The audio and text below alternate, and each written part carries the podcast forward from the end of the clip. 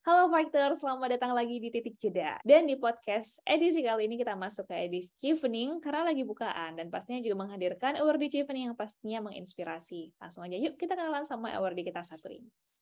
Uh, perkenalkan, nama aku Ivania Tinarbi. Panggil aku uh, Ivani bisa, Fani bisa.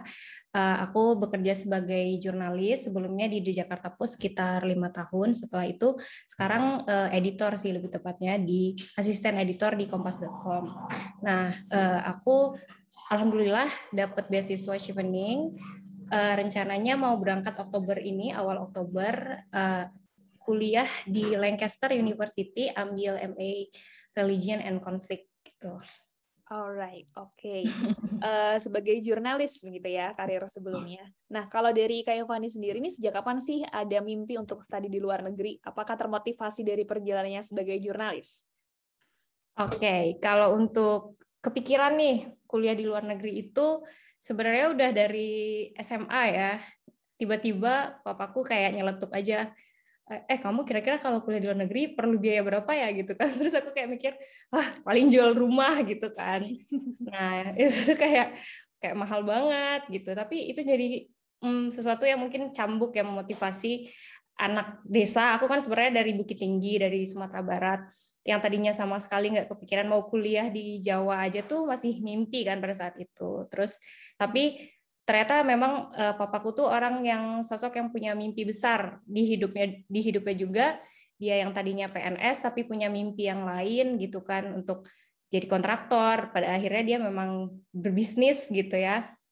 Uh, aku jadi terpacu termotivasi untuk bisa kuliah uh, untuk kuliah di luar negeri. Nah terus seiring berjalannya tadinya tuh kayak masih gimana caranya gitu. Terus eh pas kuliah aku ngambil sastra Inggris. Nah sebenarnya yang nggak menjamin juga ya, tapi kan setidaknya bahasanya udah dipelajari gitu kan. Terus uh, uh, apa perjalanan membawa aku menjadi jurnalis.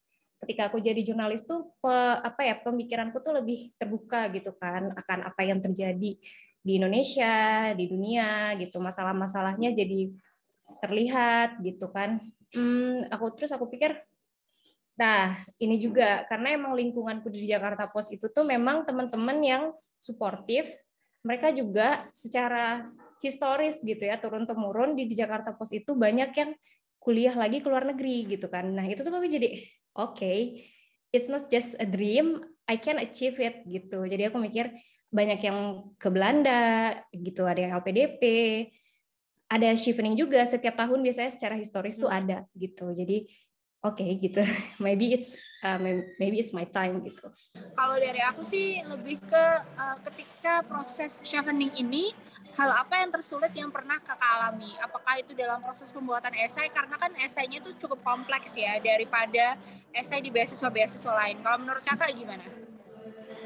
Uh, iya, sebenarnya pengalamanku terhadap uh, untuk mencari beasiswa yang lain itu juga belum ada ya, karena ini memang first attempt uh, kalau untuk penulisan beasiswa sulit atau enggak mungkin karena aku secara pribadi tuh aku udah terbiasa menulis ya karena aku kan dulu di Jakarta Post juga menulis dan dalam bahasa Inggris juga.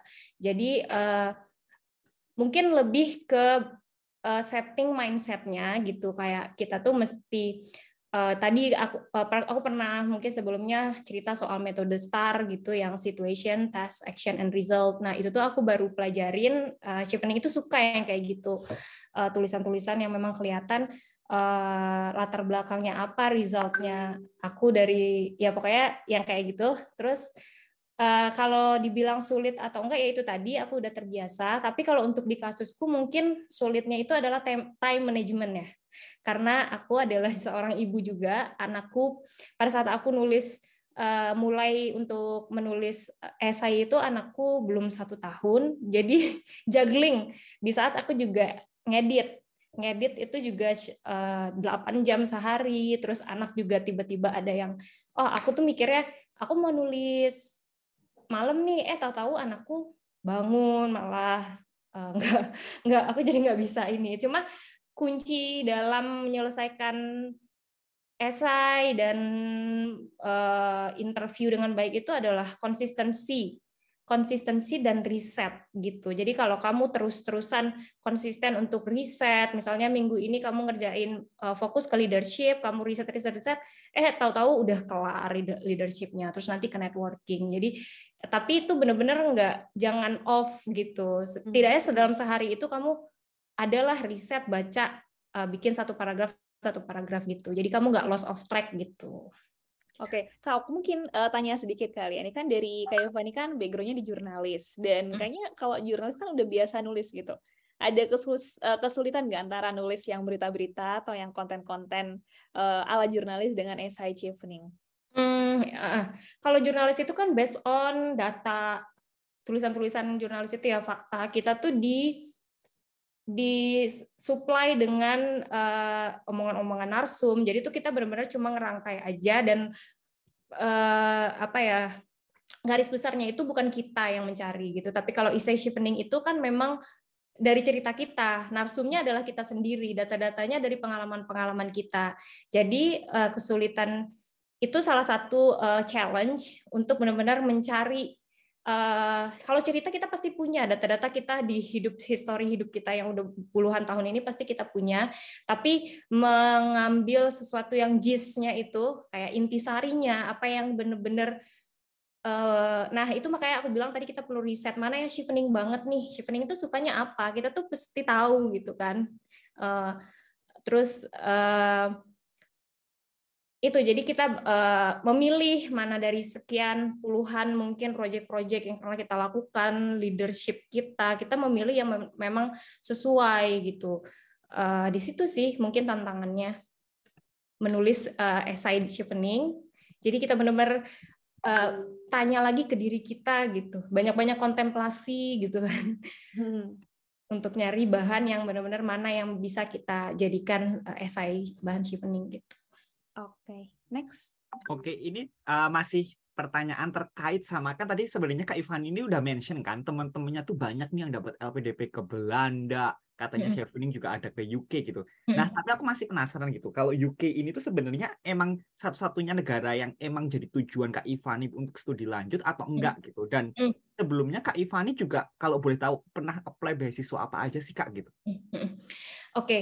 untuk pertama banget itu aku sebenarnya kepikirannya New Zealand. Nah, karena uh, New Zealand itu kan negaranya peaceful gitu ya, damai gitu kan. Aku tuh kepikiran kalau mau kuliah ke luar negeri tuh maunya yang tenang lah karena kan mau bawa keluarga, bawa anak, terus yang crime rate-nya rendah gitu kan. Tadinya aku tuh mau ke New Zealand. Uh, kalau nggak salah nama beasiswanya tuh A, eh NAS apa iya? NZAS ya namanya NZAS. Ah ya, nah ya NZAS ya. Nah, tapi karena pandemi, kalau nggak salah New Zealand itu benar-benar nutup tuh untuk uh, jalur beasiswanya beberapa tahun gitu kan.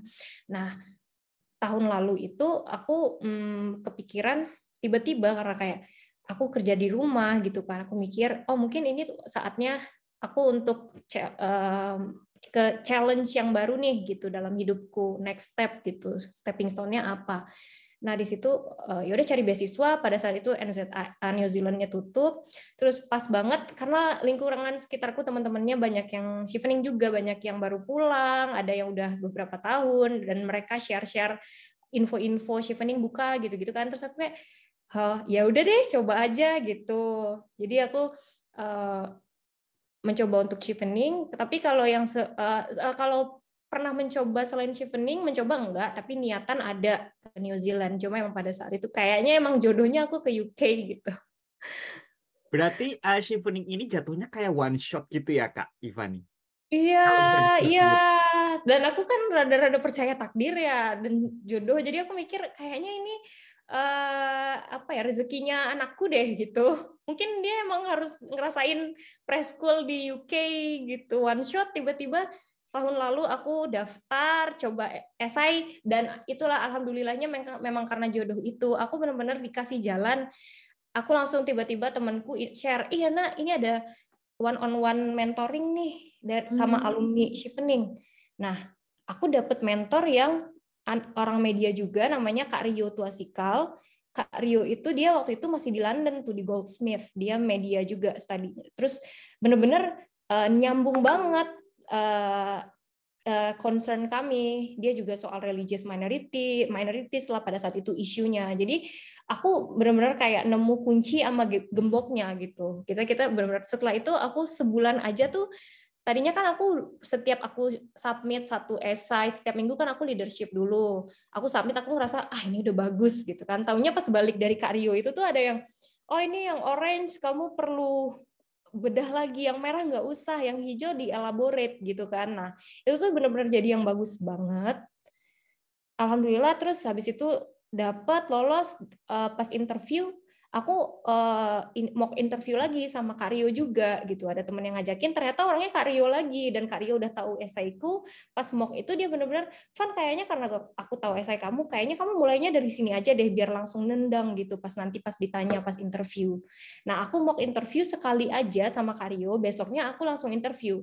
Nah, waktu waktu mock itu tuh aku ada tuh kayak terbata-bata, jawabnya enggak yang to the point, terus karena sama Karyo mau interview dikasih tahu, alhamdulillahnya aku benar-benar ngerasa 99% aku berhasil uh, deliver gitu waktu interview karena berhasil karena udah mock duluan sama Karyo gitu. Jadi benar-benar kayak aku ngerasa benar-benar ini jodohku sama Tuhan dikasih jalannya diperlancar gitu loh. Jadi mungkin minta uh, kamu selain kamu berusaha berdoa minta doa orang tua juga karena emang aku itu juga aku udah wanti-wanti ke orang tuaku nih, aku mau nyari beasiswa, mereka juga mendorong kan, makanya hmm. jalannya dipermudah gitu. Oke, wah ini uh, menarik sih cerita dari Kak. Dan Kak besok kan rencananya mau bawa keluarga ya, ada suami dan juga anaknya mau preschool juga di sana. Iya, mudah-mudahan iya dapet gitu. nah ini ada tantangan tersendiri nggak? Karena setahu aku kan Ciupening tidak uh, support finansial untuk keluarga ya. Ini mungkin bisa diceritakan atau malah ada ini, ada ada apa ya? ada curhat-curhat juga boleh.